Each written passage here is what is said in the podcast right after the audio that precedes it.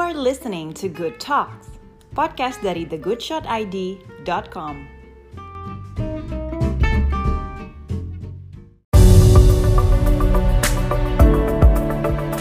Hi good friends, Cheryl's here and welcome back to Good Talk di mana Good Talk ini adalah sebuah podcast dan juga vlog yang ngebahas tentang hal-hal baik yang bisa menjadikan kita juga orang yang lebih baik setiap harinya. Nah di episode Good Talk kita kali ini gue ngobrol barengan sama Daniel Mananta. Topik kita adalah bagaimana caranya untuk nge-set healthy boundaries antara kita dan juga orang lain.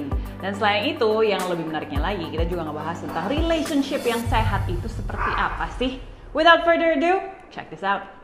so basically waktu dari tiga tahun lalu I think yeah I was talking about this like I want to create like this good news media and then postponed postponed postponed justru Yeah. begitu COVID happens I'm like you know what I think people need this the most you know like when semuanya kan semua lagi talking about bad news death rates, whatever. And then I'm like, dude, okay, I'm gonna get anxiety attacks kalau ngeliatin kayak gini terus. So why don't we create something that is more positive? And that is Yeah. what you're doing too, gitu. So I want to know, like from your end, what have you been doing then um, in terms of not fighting, but then ngasih options ke orang uh, untuk lebih focus on the positive side. eh gue juga menggunakan platform gue kayak Instagram eh, sama ya Instagram lah khususnya ya just to spread this peace and this joy you know like um, kemarin tuh ada temen gue dia lagi you know mau bagi-bagian gerakan sejuta masker and I'll just help her along. Dan habis itu ada temen gue juga dia mau bagi-bagiin kayak nasi bungkus kepada um, apa uh, orang-orang di jalanan gitu. Misalnya yang yang tetap bersihin Jakarta uh, you know pasukan oranye atau mungkin anak-anak jalanan atau siapa pun lah yang yang di jalanan gitu ya yang nggak ngapa-ngapain ya mereka ngasih ngasih apa ngasih nasi bungkus gitu dan mereka juga beli nasi bungkus itu dari pedagang asongan juga gitu kayak dari warteg dan lain-lain. Jadi to keep the the apa the ecosystem of business going. Jadi akhirnya gue juga ya udah you know what I'll promote it. Dan gue juga ngepromosin baik banget local business uh, karena gue tahu baik banget sekarang sekarang ini yang yang kesulitan. Yes. Uh, so it's just you know we I use the hashtag gotong royong digital atau local supports local. Dan gue sering juga ngadain kayak Instagram live um, untuk make sure uh, ngasih itu karena gue tahu banget sekarang ini sama kayak gue banyak banget orang yang stuck di depan social media mereka gitu. Karena mereka juga nggak ada kerjaan anyway. Mereka yang benar-benar kayak dari dari rumah aja uh, doing everything from home dan they're not you know um, yang biasanya lo segen di social media karena lo di kantor dan lo kayak ada bos lo di belakang lo gitu misalnya. Tapi sekarang nggak ada bos lo dan lo di rumah dan ya social media aja terus gitu kan. Dan akhirnya ya, kenapa nggak ketika kita lagi do that social media bisa ngajarin skill yang baru ke orang atau mungkin bisa bisa ngobrol um, bersama temen gue soal just to distract your mind of things gitu. Karena um, yang lo lakuin sekarang ini it's amazing. Um, the thing is uh, this corona things itu benar-benar uh, apa ya um, uh, ini virus yang wah bahaya banget for this day and age gitu.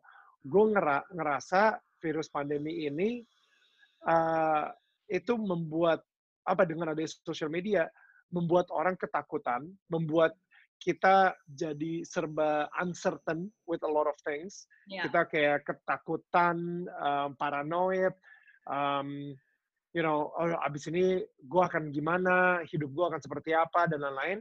And yet yang seharusnya biasanya lu bisa ngomongin ini dengan temen-temen lo, lu bisa proses ini dengan lingkungan lo. At least kalau misalnya ada temen lo, uh, you can get a hug. It's like, hey man, I I feel the same way. It's okay. We're in the same boat. Let's journey with this together. You Yeah. cannot do that. You're being isolated. Dan itu membuat um, apa ya uh, ketika lu diisolasi seperti itu itu membuat lu jadi spiraling down into this black hole of anxiety or depression dan itu sangat bahaya banget so that's why like ketika lu bikin ini I think this website is also like um, the best the best website that you can launch in a time like this gitu. You know like I think it's uh, people need good news. People need um, certainty in life. And that certain uh, you know one thing that is certain is hope. And and I think we sh- we should really keep that even though the rest of the thing is uncertain that but there's that one thing certain which is hope. And you have to keep that hope alive. And tadi kan Yep. Sempat uh, bilang lo lagi mengurangi juga nih kayak uh, apa namanya on your phone, on your digital platforms. Why though? I mean, you've been doing positive things sebenarnya di your own platform, tapi apa yang bikin lo juga akhirnya jadi ngerasa kayak, tapi mungkin gue harus ngebatasin juga sih sedikit. Um, gue baru baca buku, judul, uh, gue lagi baca buku um, judulnya Boundaries. Nah, um, Boundaries itu uh, basically motonya adalah keep the good in and keep the bad out, gitu. Dan um, tapi it's it's like a gate ya. Uh, jadi sometimes when other people meant good, then you kind of have to open the innate good and then you close it again and make sure you don't keep the bad out, eh keep the bad in juga gitu. Nah, social media yang nggak difilter menurut gue itu you keep the good and the bad in. Kayak kayak karena gini, gue harus hati-hati banget sama pikiran gue dan juga hati gue gitu. Jadi kayak um, there's so many times gitu ya di mana gue ngelihat nih orang sebenarnya maksudnya baik, tapi karena dia nggak enakan, dia jadinya kayak ngebuka semuanya gitu, good and bad in, sampai akhirnya dia disakitin, akhirnya dia nutup semua itu, and ketika dia nutup, dia nutup the good and the bad in juga gitu. Jadi kayak akhirnya ketika dinutup itu dia jadi make a wall sehingga orang juga ngeliat kayak my goodness. Kenapa ya susah banget ya bilang ini orang gitu. You know like dan karena dia dia udah ada that that fear atau ketakutan tersebut yang udah nutup itu. Jadi akhirnya gue sekarang ini lagi belajar soal boundaries. Boundaries ini sebenarnya lebih ke kayak gini nih. Kenapa ketika gue ngomong enggak sama seseorang, gue berasa guilty. Dan kenapa ketika ada seseorang yang ngomong enggak ke gue, gue nggak terima. You know, stuff like that. Why why am I so uncomfortable with the word no? You know, saying no to someone and receiving no from someone. Nah, itu ternyata emang waktu kecil uh, gue dengan orang tua gue itu mempunyai sebuah relationship yang kurang apa ya mungkin uh, karena budaya Chinese atau Asian juga gitu ya. Jadi ketika orang tua gue ngomong sesuatu, I have to accept it. Ketika gue bilang no, orang tua gue bilang, wah itu lu kurang ajar lu sama orang tua. Sehingga akhirnya itu ngebuat sebuah kayak apa ya uh, self defense mechanism di mana gue yang ya deh gue lakuin aja deh apa yang lu mau iniin biarpun hati gue yang kayak malas banget dan itu ke bawah ketika sampai gue gede nah saat ini nih di lagi di self isolation ini gue ngerasa ini waktu yang tepat banget to deal with that pain my childhood pain my childhood to process it and everything dan kadang-kadang uh, udah pastilah ketika gue lagi dealing with all this childhood uh, pain itu uncomfortable banget dan gue pengen avoid itu dan gue berusaha untuk ngedistract diri gue dengan ngelihat sosial media, dengan ngelihat Instagram, dengan ngelihat uh, apa ngecek WA dan lain-lain gitu.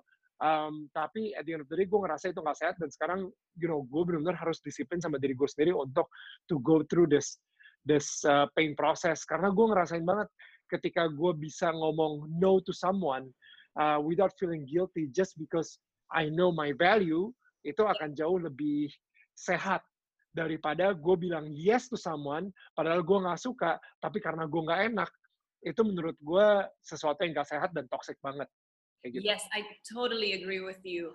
Kalau ngomongin soal itu, apa ya, gue juga sendiri ngerasa di self-isolating proses sekarang ini, there's so many things as in wound, I would say, from the past Yeah. yang ternyata nongol. Wow.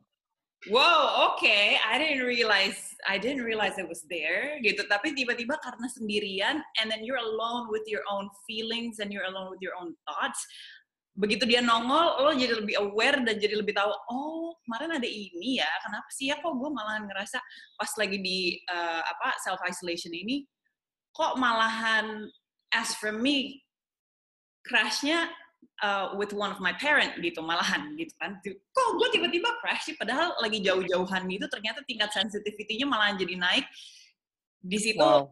di situ and then I realize oh oke okay. gue mungkin dari dulu selalu ngerasa kayak I've always been treated like a like a kid selalu gitu even though like I'm like this age now jadi kayak nggak pernah punya apa ya kayak nggak pernah punya like my own authority untuk kayak ngasih tahu kayak hey this is what I want to do with my life gitu yeah. it's, it's it's good that you as a parent mau yang terbaik buat gue gitu kan sebenarnya kalau dilihat dari point of view itu but then at the same time mereka juga projecting their own fear to me gitu kan yep. Didn't realize that before until this happened terus tiba-tiba gitu and then oh, oke okay, this is something yang harus gue let go ya make peace of and then let go di sini dan ternyata justru kayak this whole self isolation thing malahan sangat ngebantu itu gitu dan itu lo harus ngobrol sama Viola sih, my wife. Dia, mm. dia mempunyai satu misi sekarang ini. Misi dia, uh, hati dia itu benar-benar kayak sedih banget ngeliat perempuan-perempuan di Indonesia, di sekitar dia gitu ya. Mereka mungkin udah umurnya 30-an ke atas gitu.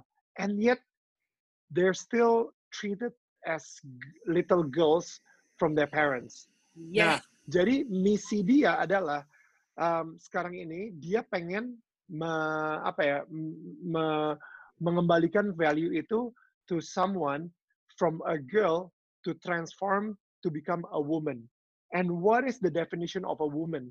Bukan cuman sekedar, you know, being a woman means like you can be friends with your parents, not that you always be their little girls all the time, you know. Yes. Dan sayangnya di sini tuh kayak kita kecampur-campur yang namanya, you know, um, uh, agama, aturan agama, sama budaya itu kecampur gitu. Nah, emang ada tiga sih kan, ada yang namanya adat, ada yang namanya um, agama, aturan agama, sama ada yang namanya aturan pemerintahan gitu. Yeah. Nah, um, contohnya kayak misalnya PSBB, ya sekarang ini udah aturan pemerintahan. Gue nggak ngeliat di Bible atau di Injil mana pun, kitab suci mana pun ada soal PSBB. Atau uh, di adat mana pun tiba-tiba cerita soal malin kundang uh, kena virus apa sampai akhirnya dia mengisolasi diri. Nggak ada gitu kan. Nah, yeah. tapi ya itu tuh, yang namanya sekarang ini malin kundang, um, uh, Malin Kundang itu uh, apa uh, sama nyokapnya kenapa dia? Dia uh, kayak berantem kata-kata terus dibilang uh, jangan melihat ke belakang gitu ya? Durhaka. Nah ah, iya, jadi iya. maksudnya kayak dia durhaka sama nyokapnya akhirnya dia jadi batu. Itu kan sebenarnya cerita dongeng budaya dari mana lah kayak gitu ya. Gue nggak tahu itu dari mana ceritanya. Tapi nggak tahu kenapa itu jadi kayak dosa. Which is bisa mixed up gitu. Nah, padahal sebenarnya kalau misalnya di uh, Kristen gitu ya, ada satu um, ayat yang bilang ketika lu merit sama seseorang, um, udah lu meninggalkan orang tua lu, yeah. lu menjadi seorang yang dewasa juga sehingga ketika lu menjadi tulang punggung dari keluarga uh, atau mungkin lu menjadi istri dari seseorang, um, ya udah lu udah udah udah pisah tuh sama orang tua lu kayak gitu lu bisa bicara sama mereka seperti seorang individual yang dewasa ngobrol sama individual yang dewasa.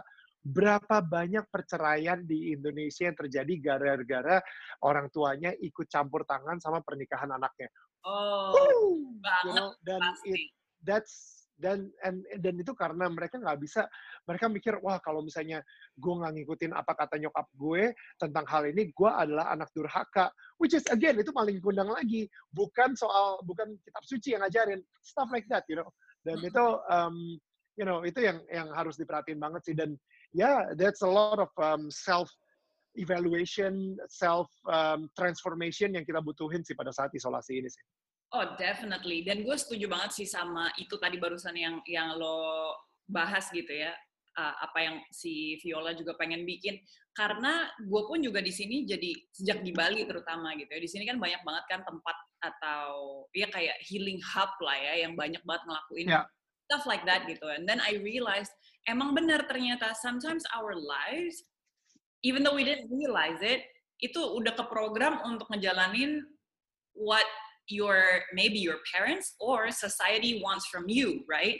Instead of apa yang sebenarnya lo actually decide lo pengennya apa sih with your life nih pengennya jadi orang begini, pengen yang lakuin itu, tapi karena si ini maunya itu, si ini maunya itu, and then lo jadi kayak bergerak berdasarkan program itu, and then you're so unhappy abis itu gitu. and gimana caranya untuk lo bisa breaking that apa tuh namanya ya kayak that shell sampai akhirnya lo bisa menemukan sebenarnya apa sih what is actually my passion? What do I want to Yes. do and all that needs I- it needs a lot of work. istri istri gue pernah bilang ini sa- satu hal sama gue dan ini menurut gue wisdom gitu ya. Dia bilang kayak gini dia bilang eh, do apa jangan jalanin hidup lu based on other people's dumb decision. Yes. Gitu. Jadi kayak em, sekarang ini kayak gue bilang oh saat itu soalnya gue lagi pengen kantor banget 9 to 5 gue pengen terus terus ada di kantor gue saat di Damalap Indonesia. Dan bini gue bilang kayak well those are those people. Udah mereka mempunyai pilihan hidup seperti itu ya udah. Tapi sekarang ini lu mempunyai pilihan hidup yang berbeda. You can adjust it you know? Yeah. so so um, saat itu sih eh, apa ya dan ada banyak hal lagi ya misalnya kayak dengerin um, apa harus nurut dan um, say yes and amen to your parents misalnya seperti itu atau uh, lu jadi ngejalanin hidup lu based on what the culture tells you. Sedangkan kadang-kadang culture tersebut itu bukan sesuatu yang sehat dan mungkin bisa menjadi sebuah sesuatu yang toxic gitu. You know, ma- makanya ketika ketika kita ngomongin soal soal parenting dan eh sorry so- soal kayak obey your parents dan lain-lain kalau misalnya gue ngobrol ke teman-teman gue di Jerman misalnya mereka yang kayak itu aneh banget sih. Kita nggak nggak itu aneh banget man dan the fact that kayak orang tua lo ketika mereka umur 70 atau 80 dan harus tinggal di rumah lo itu itu bukannya sedih ya buat orang tua lo ya?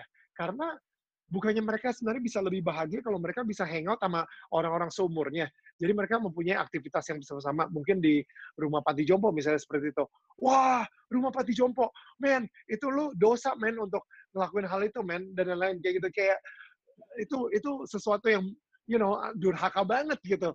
Dan kayak tapi ketika mereka ngomong dari point of view mereka, hah, that actually makes sense. You know, kenapa nggak kepikiran ya? Of course, um, sekarang nih kayak ada temen gua, omanya itu tinggal sama dia, uh, you know, dia emang udah lebih tua gitu kan. Omanya tinggal sama dia, tapi dianya sendiri emang karena kerja, karena harus ngelakuin banyak hal, jadi dia sendiri juga nggak pernah di rumah. And you know what happened? Omanya yang emang udah sendirian karena opanya meninggal, omanya ini tinggal di apartemen sendirian setiap hari. Jadi gua sampai nanya gitu sama temen gua, um, selama let's say 100% gitu ya, oma lu tinggal di rumah lu selama 100% itu um, berapa berapa persen kira-kira?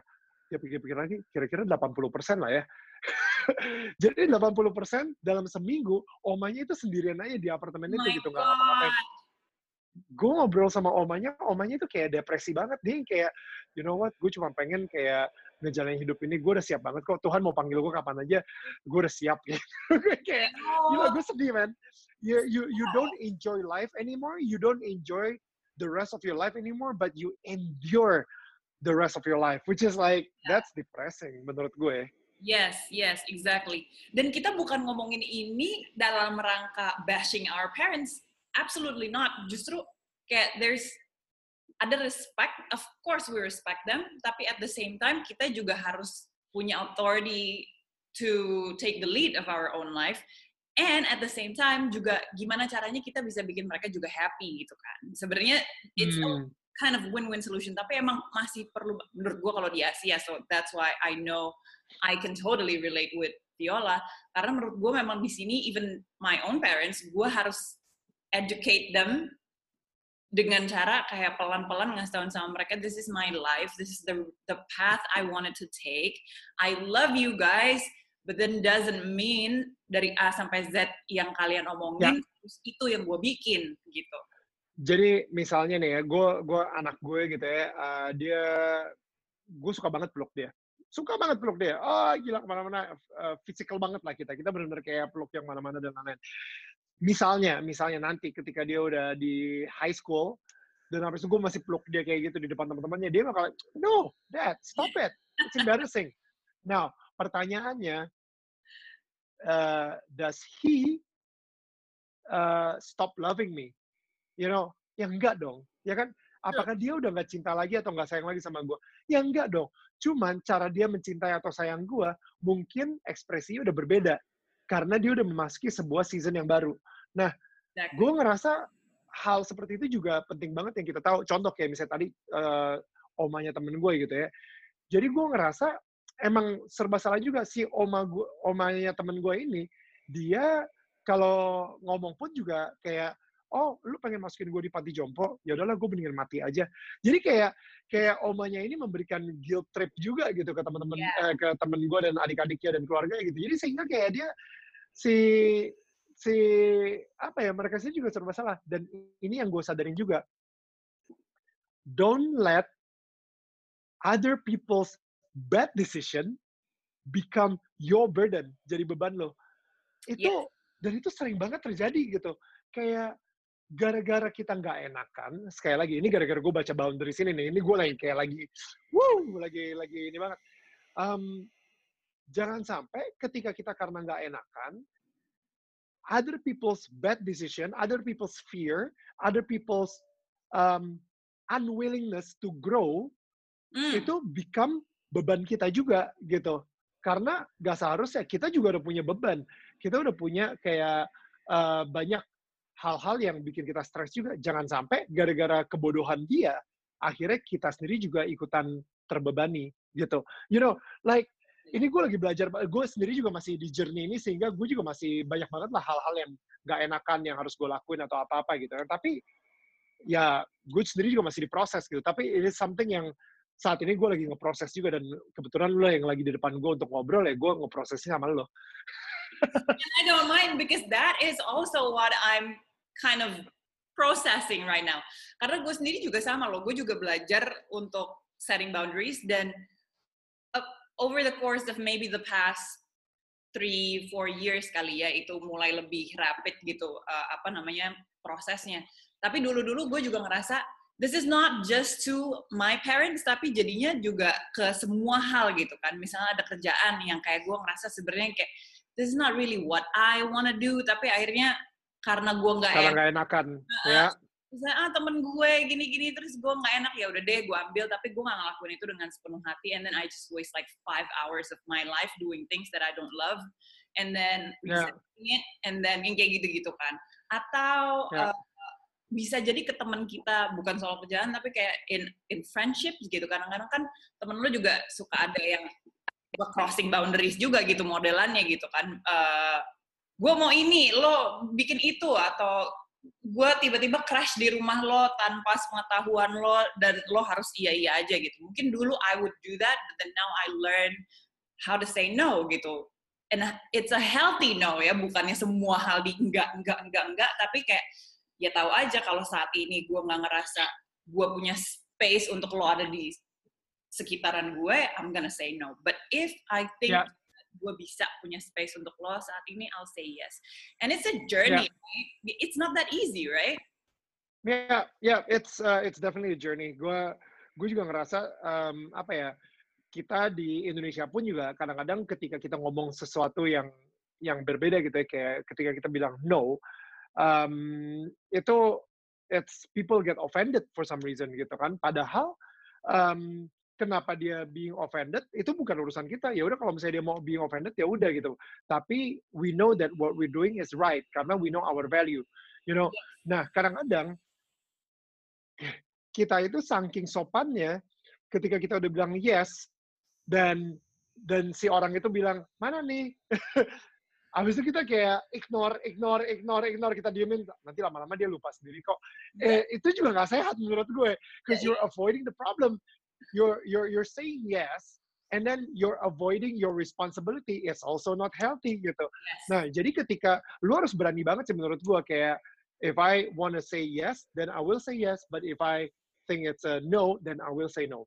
yes. Bukan karena no, karena nggak enakan, dan, dan lu juga datang ke situ dan lu kayak hati lu grumpy lu yang kayak, oh, you know, I I would be better if I don't do this and whatever gitu. Jadi kayak uh, gue lebih lebih ngerasa kayak gitu. And it is painful to say no to someone. It's painful, yeah but it's not gonna be harmful. Dan itu penting banget. Jadi ketika lu say no uh, untuk seseorang itu bak, mungkin ada hurt ya, mungkin ada kesakitan di situ yang kayak tadinya kok Daniel selama ini sama gue yes yes yes aja kenapa mendadak dia bilang no? Wah, ini kenapa nih? Habis itu mulailah dia ngomong, kok lu gitu sih Neil? Biasanya lu kan tahu dong, mulai itu masuk guilt trip. You know, Yes. mulai masuk um, sesuatu yang kayak gue pikir persahabatan kita you know, whatever, udah mulai ke arah situ gitu kan. Yeah. Tapi at the same time, it, itu bakal painful, itu bakal hurtful. Tapi lu tahu value lu, lu tahu ini mulai toxic, uh, lu tahu lu mulai di use and abuse misalnya kayak gitu. Dan Yes. when you say no, pasti akan ada kesakitan di situ gitu. Nah, but you have to trust me kalau misalnya emang persahabatan lo itu uh, apa ya sesuatu yang sangat berharga, akhirnya dia akan ngerti kok. Oke, gue akan menghormati boundaries lo dan gue ngerti banget lo ternyata um, punya sebuah boundaries yang harus gue respect dan gue akan respect itu dan persahabatan itu akan terus berjalan. Tapi kalau misalnya dia nggak respect boundaries lo, itu artinya lo harus tahu dong. Atau misalnya dia yang kayak ya udah kalau misalnya kayak gitu kita nggak usah temenan. Berarti lu ta lu tahu juga teman macam apa dia. You know, Nah. and it's it's a it's dan dan you know kalau misalnya lu ngerasa aduh gue ketakutan nih kehilangan seorang sahabat seperti dia. Kenapa lu ketakutan? You know, why? You know, then then you should ask yourself why. Kenapa lu become insecure kalau misalnya nggak punya sahabat seperti dia? Kenapa eh, berarti lu sendiri juga punya sebuah apa ya insecurity atau sesuatu yang lu gunain untuk bersahabat terus sama dia. Misalnya seperti itu. I don't know. Yes. There's so many proses yang lu bisa iniin. Tapi yang paling penting adalah yang lu harus tahu, it could be painful. Sama seperti lu ke dokter gigi gitu misalnya. Uh, man, I hate going to the doctor, uh, the, to the dentist. But it, it is painful. And yet, uh, pada akhirnya it will not become harmful dan malah bagus buat lo kayak gitu kan. Yes. Um, tapi kalau misalnya sesuatu yang mungkin lu ngerasa bagus buat lo, lu makan permen tiap hari gitu ya, biarpun gigi lu udah mulai keropos, tapi lu tetap makan permen karena lu takut ke dentist, it will become harmful. Akhirnya gigi lu copot gitu, ompong aja gitu kan. So, so sesuatu yang baik belum tentu um, sehat buat lo dan sesuatu yang buruk belum tentu um, menyakitkan buat lo gitu maksud gue. Jadi it could be sehat juga buat lo. Which comes to the next question. Tadi kan lo nyebutin kalau misalnya kita mau bisa ngasih ngeset boundaries yang sehat sama orang lain gitu ya. Lo harus tahu dulu value-nya lo. But how? Banyak orang pasti akan nanya gimana emang caranya untuk tahu my value gitu. Knowing karena pada saat kita tahu value-nya kita, lo nggak akan ketakutan orang itu akan pergi gitu kan. Lo akan tahu ya kalau orang itu bisa ngehargain lo, they will stay. But if they don't, it's fine. You don't lose anything. Nah, tapi kan itu lo harus tahu dulu sih value itu tadi. How do we do that? That's an amazing question. I I I don't even know. Uh, I never thought about it. I never. Um, gue sekarang ini uh, dari dulu sampai sekarang sampai hari ini, gue selalu um, apa ya struggle sama yang namanya identitas gitu. I have um, uh, sekarang ini kemarin gak tau ya, gue gue gue gue pernah ngobrol juga di salah satu kayak gereja gitu dan gue sempat ngomongin soal uh, gue kehilangan identitas gue. Karena ketika suara gue sempat hilang Hmm. dulu sempat ada uh, nodule atau singer's note atau ya gara-gara lu kayak pakai suara lu terus dan lu pakai teknik yang salah sehingga sampai akhirnya gue nggak bisa gue ngomong apa bisik-bisik kayak gini? Gitu kan gara-gara saking seraknya.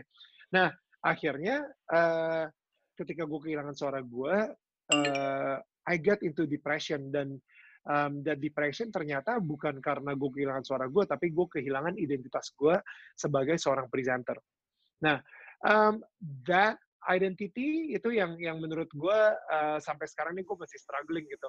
Jadi um, karena identitas kita akan menentukan value kita.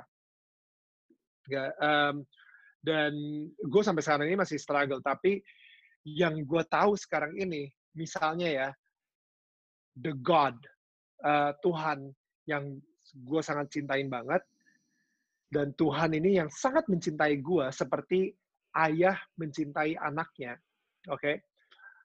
Uh, ketika dia ngelihat gue ngelakuin sesuatu, hati seorang ayah itu seperti apa sih? Apalagi gue sekarang udah punya anak gitu, jadi gue bisa lebih mudah dan bisa lebih relate gitu ya. Jadi misalnya kayak gini, misalnya demi gue diterima dalam sebuah komunitas tertentu, gue harus mulai ngerokok. Gue kompromi dan gue mulai ngerokok. Atau misalnya gue mulai minum uh, sampai gue kecanduan sama minum minuman keras. Atau misalnya gue mulai menggunakan narkoba.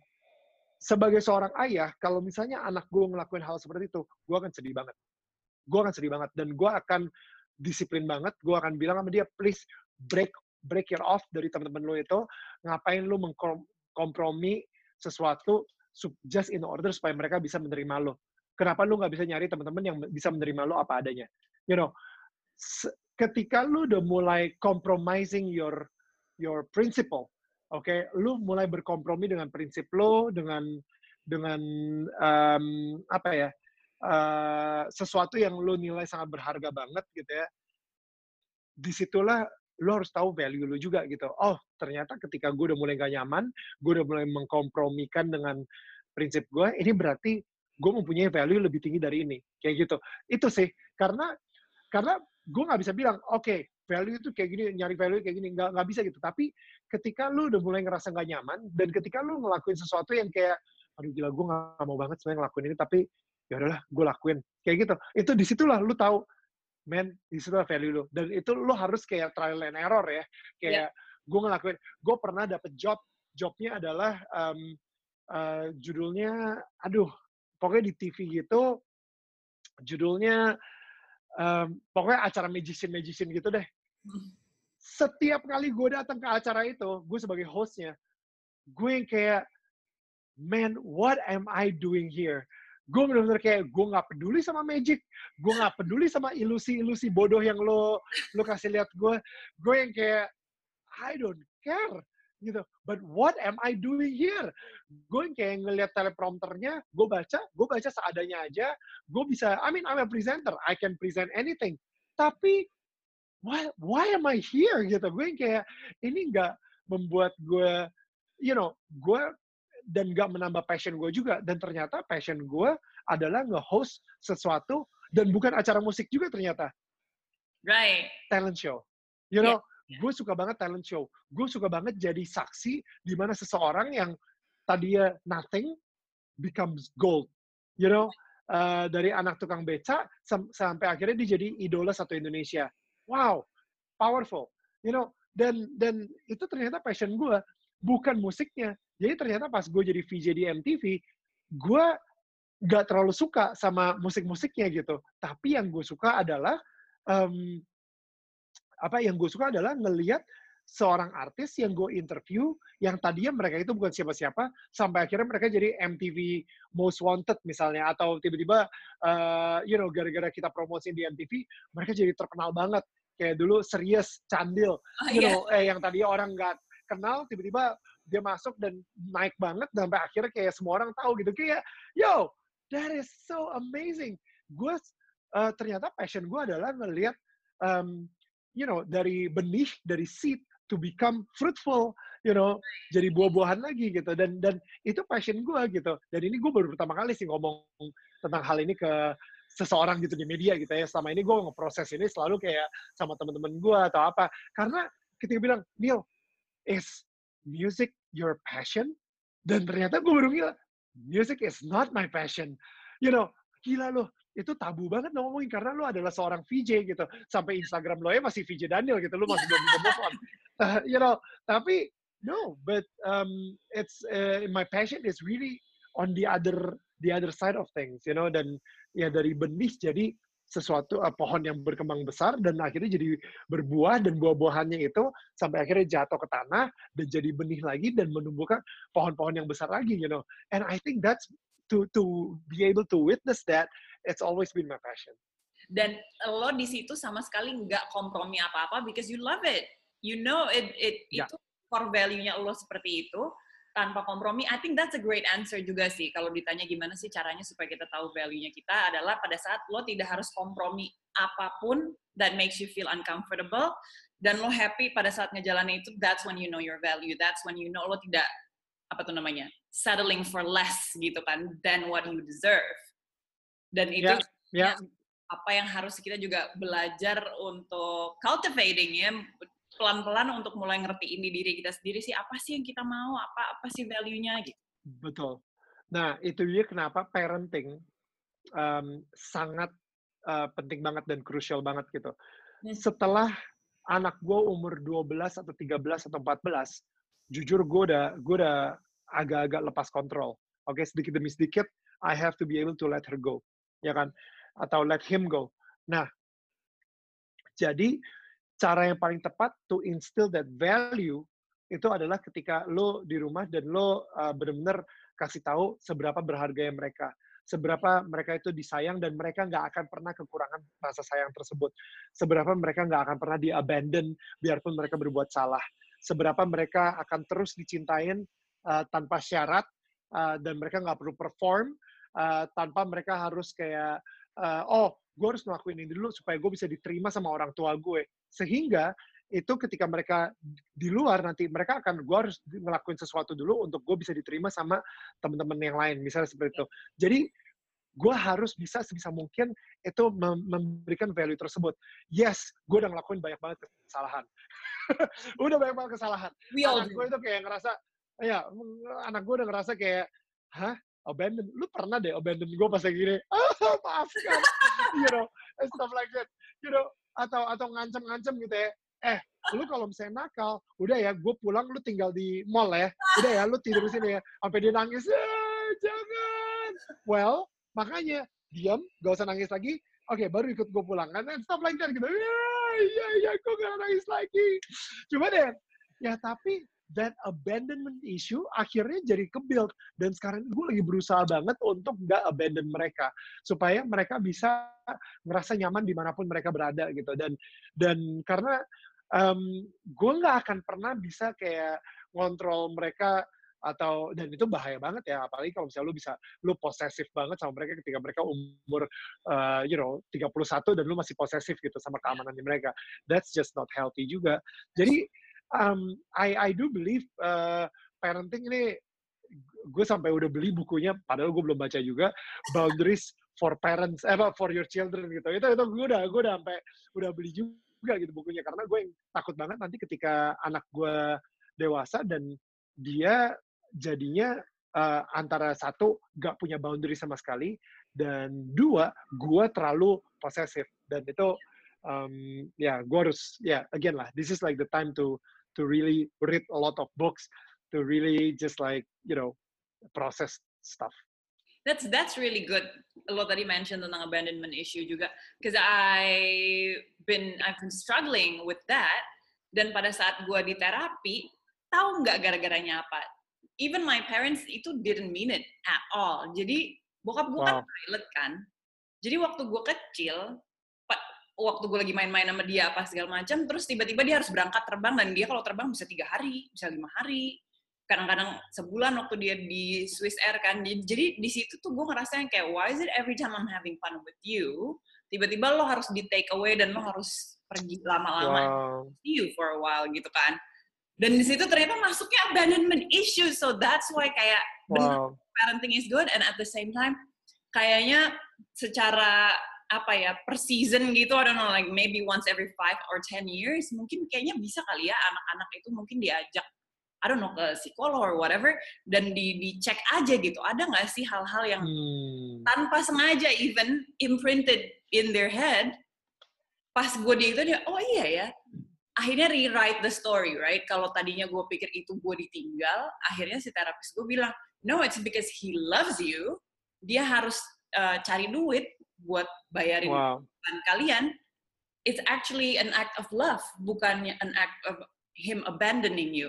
Pas dibalik kayak gitu gue baru kayak oh my god that's right. Gue bukan ditinggalin loh selama ini it's because he loves me. Baru di situ bisa berdamai lagi ya. yeah, yeah. with it.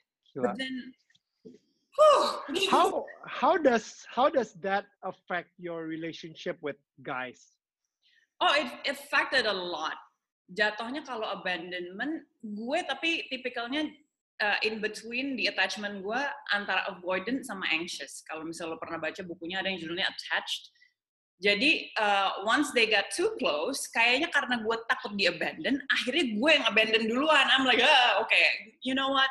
Daripada antara habis itu lo pergi or whatever, gue langsung bounce Daripada gue disakitin duluan, mendingan gue sakitin duluan. Ya. Iya, mendingan kayak gue udah nggak usah nggak usah like just go away from me yang jadi kayak gitu and I self sabotage the relationship Wow. jadinya kayak nggak jadi lagi nggak jadi lagi and then that's why I'm Wow. going to therapy juga for that karena ternyata tuh abandonment issue could be that deep in you Yeah. that fear jadi gue juga sekarang jadi belajar kayak there's a quote katanya you need to train yourself to let go of everything you fear to lose right semua hal yang kita takut Wow. untuk kehilangan lo harus bisa nge-train yourself untuk berani kayak lepasin itu gitu. So that's what I'm trying to do right now. Jadi gue kayak knowing my value balik lagi ke situ kan self love and knowing my value akhirnya gue jadi bisa yang kayak oke if what I'm afraid the most is being alone I'm gonna be alone dulu for a while right now and enjoy myself akhirnya itu gitu Wow. that's the Yeah. thing I was afraid the most. Yang akhirnya spiraling down masuk lagi ke oke deket sama orang giliran they ask me to get married I'm freaking out like hell that doesn't make sense. Kan gitu. Hmm. Hmm. So that's Hmm. yeah interesting. Wait, wait. Uh, gue, gue actually lu bisa edit this part out, right? Cuman gue, gue Yeah. penasaran sih. Gue, gue udah lama banget gak kontak lu. Cuman kayak, I- so you're, you're not married yet? not yet, not yet. Okay, okay.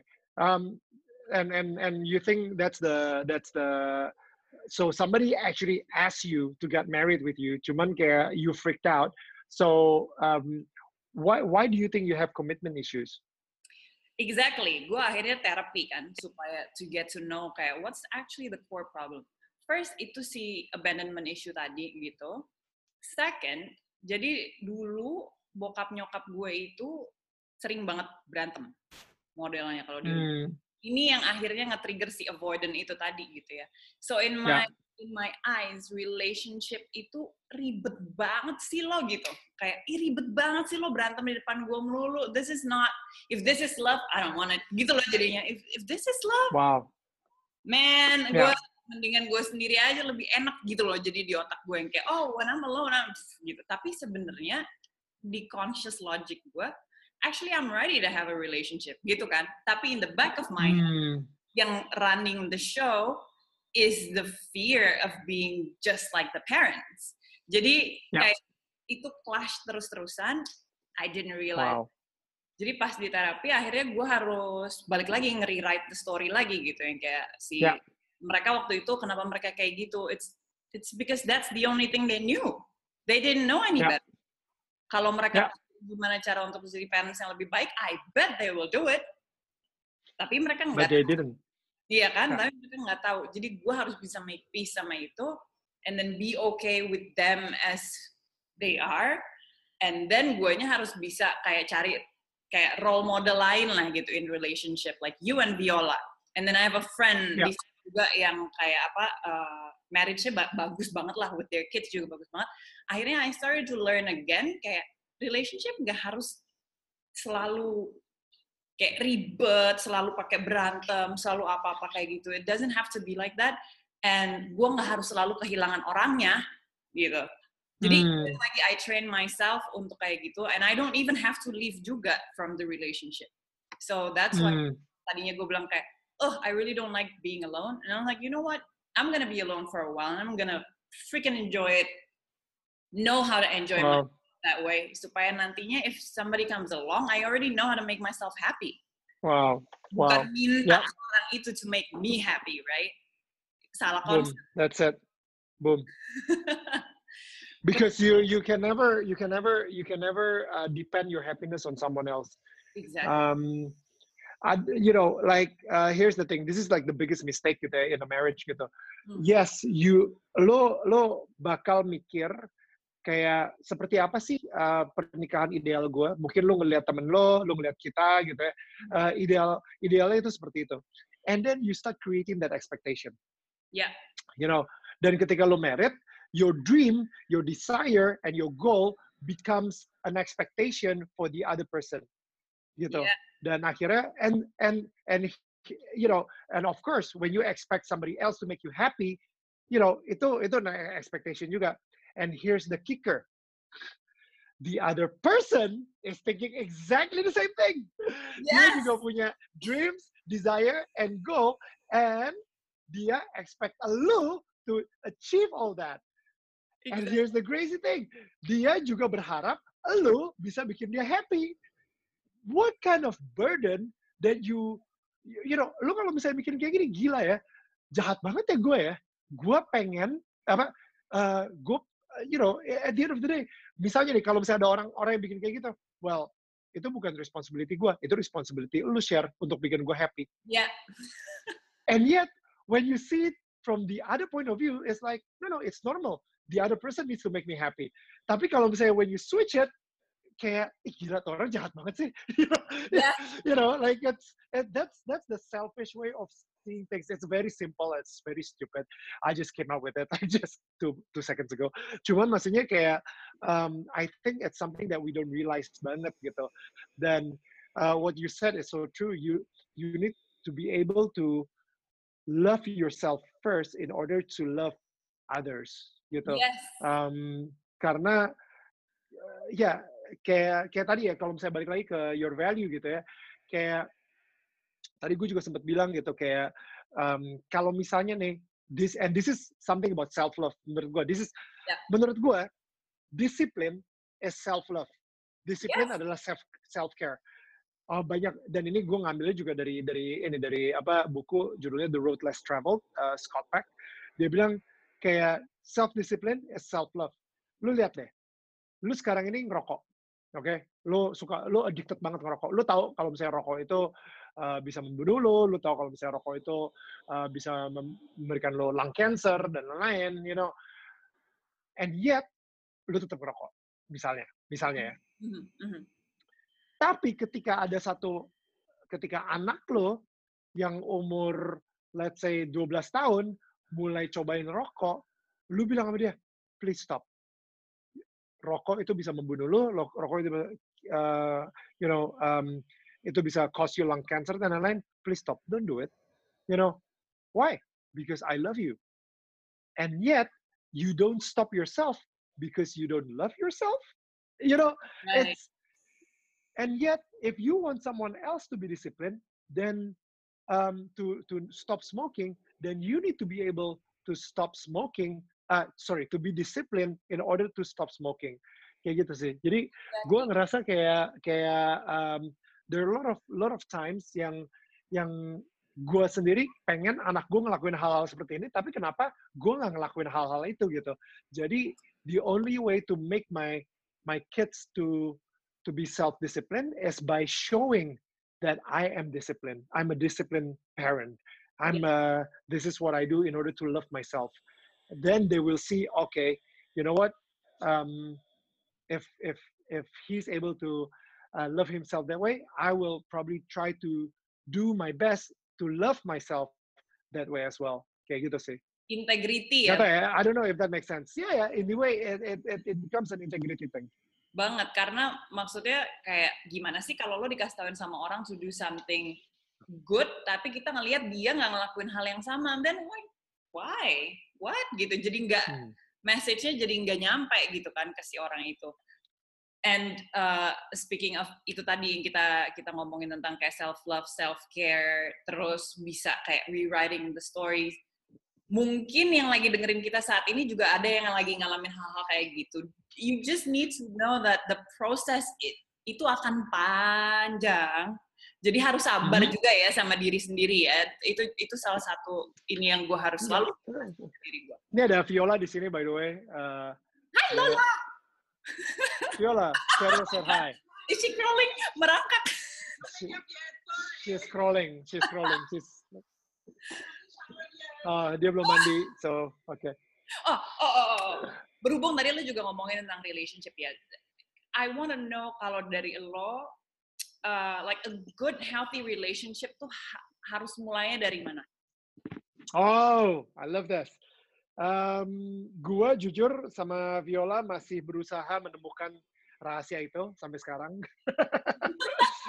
um, kita udah 8 tahun married dan to be honest it's like uh, you know uh, kita masih suka berantem juga kemarin kayak dua hari yang lalu kita berantem gede-gedean you know like it's so weird and yet we process it and we're okay now again and maksud gue you know I think it's uh, it's always it's always a it's always a journey ya. Um, cuman uh, yang ngebantuin gue untuk um, ini itu banyak banget sih. There's so many so many books out there, so many ini. Cuman the most important thing, oke. Okay. Mungkin banyak orang di sini tahu kalau misalnya gue adalah seorang Katolik, you know, uh, atau Kristen gitu ya, gue pengikut Yesus lah kayak gitu. Ada satu hal yang um, menurut gue ini penting banget. Pertama, lo harus doa sih. Lo harus doa banget.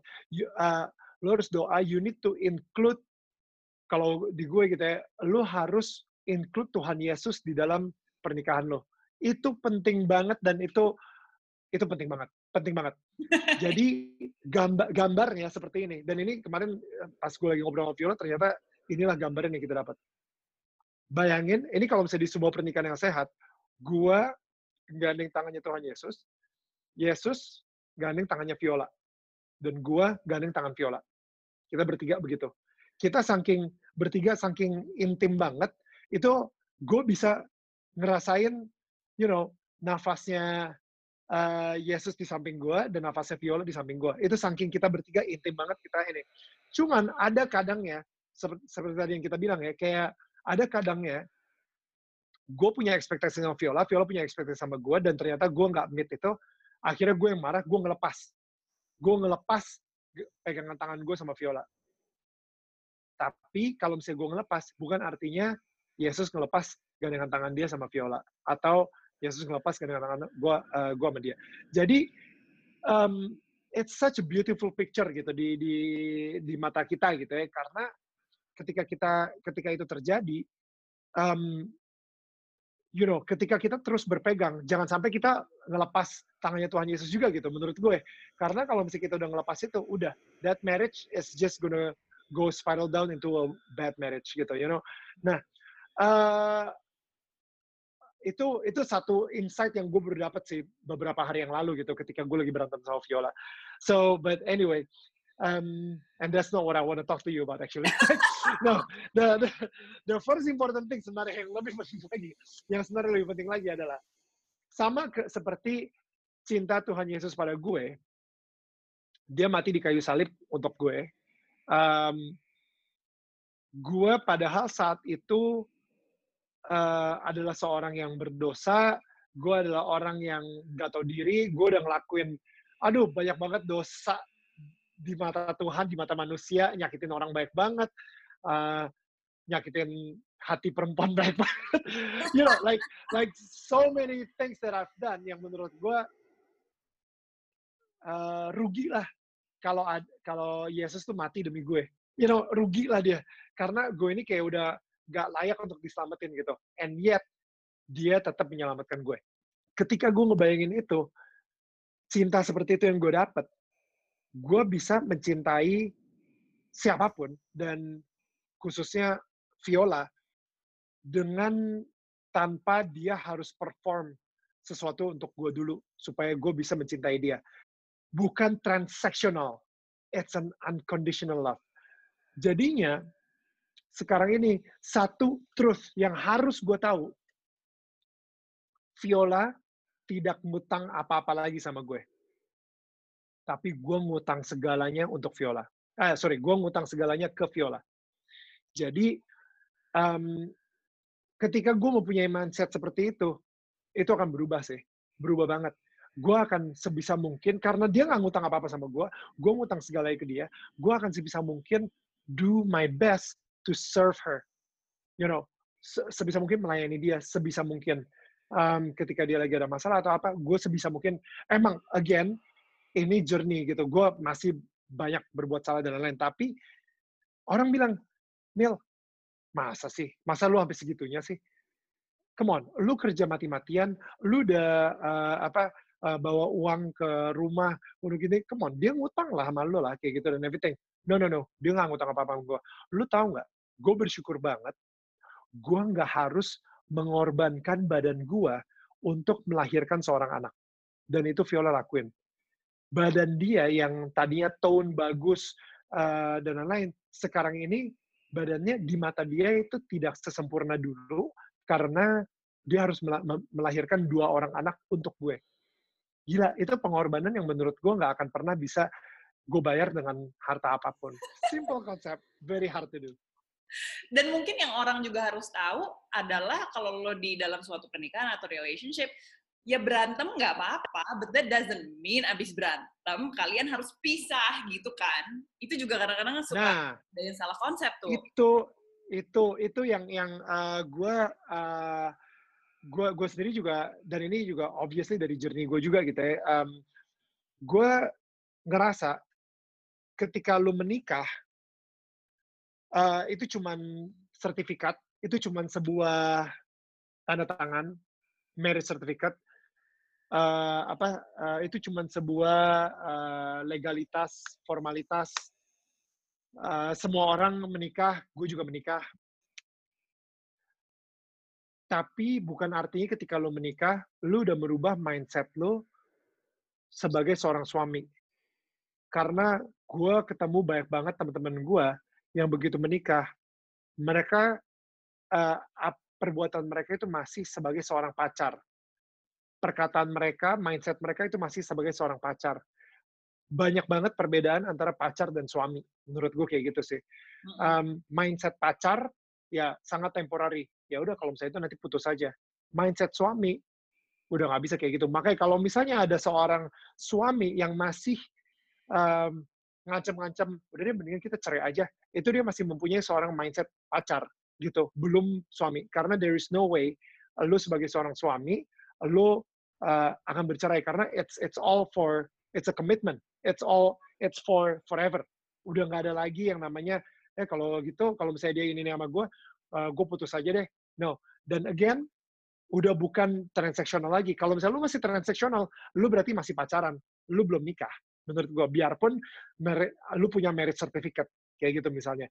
The um, ketika lu masih selfish dan lu masih belum selfless lu masih seorang pacar karena menurut gue kalau misalnya seorang suami lu udah selfless. Apalagi ketika lu udah menjadi seorang ayah you become selfless. Lu udah mengorbankan lah kayak your joy nonton nonton di rumah segala kayak gitu. Netflix gue isinya udah itu semua untuk anak-anak gue bukan untuk gue gue pastilah masih ada saat-saat di mana oh nggak bisa dong gue boleh dong selfish sedikit. Tapi at the end of the day you know ketika you want to become a, a good father and you want to become a good husband you need to think selfless Yes, and it made you a better man. Itu penting banget. Itu penting banget. Ketika uh, lu ngerasa kayak gila ya, ini akhirnya ada gunanya nggak sih gue uh, doing all this selfless stuff? Itu penting banget. Ternyata setelah gue ngeliat ya, when I trace back, I am a way better man now than I was one year ago. Even one year ago. Atau misalnya a few months ago gitu. Dengan disiplin yang gue kerjain dengan uh, apa yang gue lakuin gue ternyata berkembang cukup signifikan. And I I dare say I am a way better man now than I was a few, terakhir kita ketemu menurut gue gue sekarang udah better man. Kayak gitu misalnya. I can I can even testify for you. Maksudnya we knew each other dari 2000 berapa deh zaman MTV 2003 2003 Gila, ya? dari 2003 ke lo yang sekarang totally a different person and i totally know that lo emang became a way better person. And i'm i'm happy for you like that's a transformation right? That's a transformation. There you go. There you go. Yeah that's that's it's a long journey. Yes and we have to love the journey soalnya there's no there's no destination really karena at the end of the day when we died ya udah there we only had that proses kan sebenarnya to enjoy. Um, gue pengen bisa nggak nanti kayak uh, after we wrap up, can you text me um, kayak list buku-buku yang lagi lo baca atau menurut lo yang influential uh, influential buat lo so far in your life. Kayak gue pengen bikin kayak satu artikel si buku itu jadi kayak buku-buku yang according to you changes your life bla bla karena kayaknya lo baca banyak buku dan gue rasa orang-orang juga harus baca those book because it's really good. Like it changes you as well. Ya ya. Ada ada satu buku yang gue sangat ini banget uh, judulnya Strength Finder. Jadi uh, Strength Finder ini uh, dia fokus sama kekuatan-kekuatan lo instead of working on your weakness. Udahlah, lo punya weakness, gue punya weakness. Weakness gue adalah gue nggak bisa manage itu weakness gue. I I am not good at managing people. I'm not good at managing a company. I'm not good at managing uh, you know a lot of things gitu. Nah jadi akhirnya gue tahu kalau misalnya managing people with all the drama and everything itu gue benar-benar kayak nggak bisa seperti I let go of it.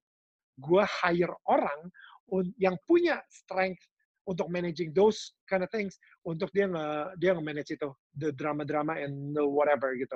gue fokus sama my strength you know and my strength is creativity. My strength is is uh, self development my strength has always been like you know to inspire people to to to preach more about the goodness of life and to become a light. That's my strength. Dan gue bakal fokus to to to to focus on that strength gitu you know instead of ah gila. You know I wish I can be like that person. Dia kayaknya inspiring people seperti itu. Gila itu hebat banget. Tapi ternyata ada beberapa strength dia yang merupakan weakness gue. Udah, I don't even bother. I yeah. just be the best version of myself and um, just working on my strength gitu. Kayaknya kita nanti perlu bikin next session ngomongin tentang ini ya, kayak entrepreneurship gitu. Tapi tapi dari situ gitu dari yang those kind of stuff karena kan uh, orang banyak banget yang pengen jadi entrepreneur tapi juga don't know where to start terus kadang-kadang kayak gue pengen jadi ini tapi sebenarnya kayak that's not your strength suka ada yang kayak gitu kan. But then, but then, lo harus bedain, lo harus bedain banget antara passion lo sama uh, business management. Jadi yes. passion lo belum tentu, belum tentu. Um, ini nih contoh Viola ya. Uh, you probably know as well. Kayak Viola dulu sempet, um, oke, okay, Viola tuh suka banget baking, suka banget baking. Jadi dia she bakes a lot. Dia bikin satu uh, satu uh, kue yang dari resep omanya, uh, crumble cake dari Jerman enak banget sampai akhirnya someone said you should make a business out of this. Dan akhirnya dia mulai dia dia, dia sama Rianti sama Belinda dia bikinlah bisnis namanya Ladies Who Bake. Dan ketika dia bikin bisnis itu muncullah you know this management issues. Kayak mereka harus buka central kitchen uh, Viola harus bikin 10 cake setiap hari. Uh, abis itu um, you know all this all this itsy bitsy detail in management yang akhirnya mulai mengarah ke Viola dan Viola sendiri itu sampai akhirnya lose the passion in baking. Dia sampai kayak I cannot even see uh, another cake. I cannot, you know, no, you know, sampai akhirnya jadi setrauma itu. Akhirnya she quit her business, and I think that's the wisest thing that she she did, you know. Dan yeah. ketika dia cabut dan dan bener kayak dia akhirnya mulai baking lagi. Dia jadi suka lagi sama baking. Dia kangen sama baking. Dia yang kayak uh, you know ternyata passion dia baking itu ketika dia bisa passion dia itu bukan di baking sorry. Passion dia adalah ketika dia bisa membuat sesuatu dan melihat orang yang dibuatin itu joyful dengan sesuatu yang dia buat. Nah. dia ngundang lima orang dia ngundang lima orang makan makan uh, kuenya dia sambil enjoy the conversation, just talk about things, and she enjoys it so much. Dan di situ dia yang kayak ngerasa, my goodness, this is my passion ternyata. It's not, it's not making bake apa bake baking goods, uh, bake goods sampai ngejualin ke orang karena bisnisnya itu benar-benar kayak sulit banget. Ya, yeah. ya, yeah, ya, yeah, exactly. Nih kayak gitu-gitu sih kayaknya nanti bisa nih kita bahas lagi on the next on the next episode. But then let's wrap up on this one. It's really amazing to have you talking about boundaries karena itu menurut gue adalah satu hal yang especially di Asia atau Indonesia lah ya gitu. Sesuatu yang nggak terlalu dikedepankan gitu. Kayak di sini kan justru orang-orang selalu dibilang kayak oh ya turutin ini, turutin itu segala macam gitu. Akhirnya pada saat sekarang kita mau mulai bikin boundaries aja kita harus belajar dari nol lagi kan. And then kita juga belajar hmm. tentang kayak self valuing ourselves yang bener kayak gimana? That's amazing Dan. Oh my god. Thank you so much. no thank you. Thank you for no thank you. Thank you for doing this. You know you're doing the website you're you're doing this interview. Thank you. Uh, i think it's uh, you're doing something amazing especially in this time. Di mana orang-orang lagi pada nggak ada kerjaan so might as well right? Just like keep calling them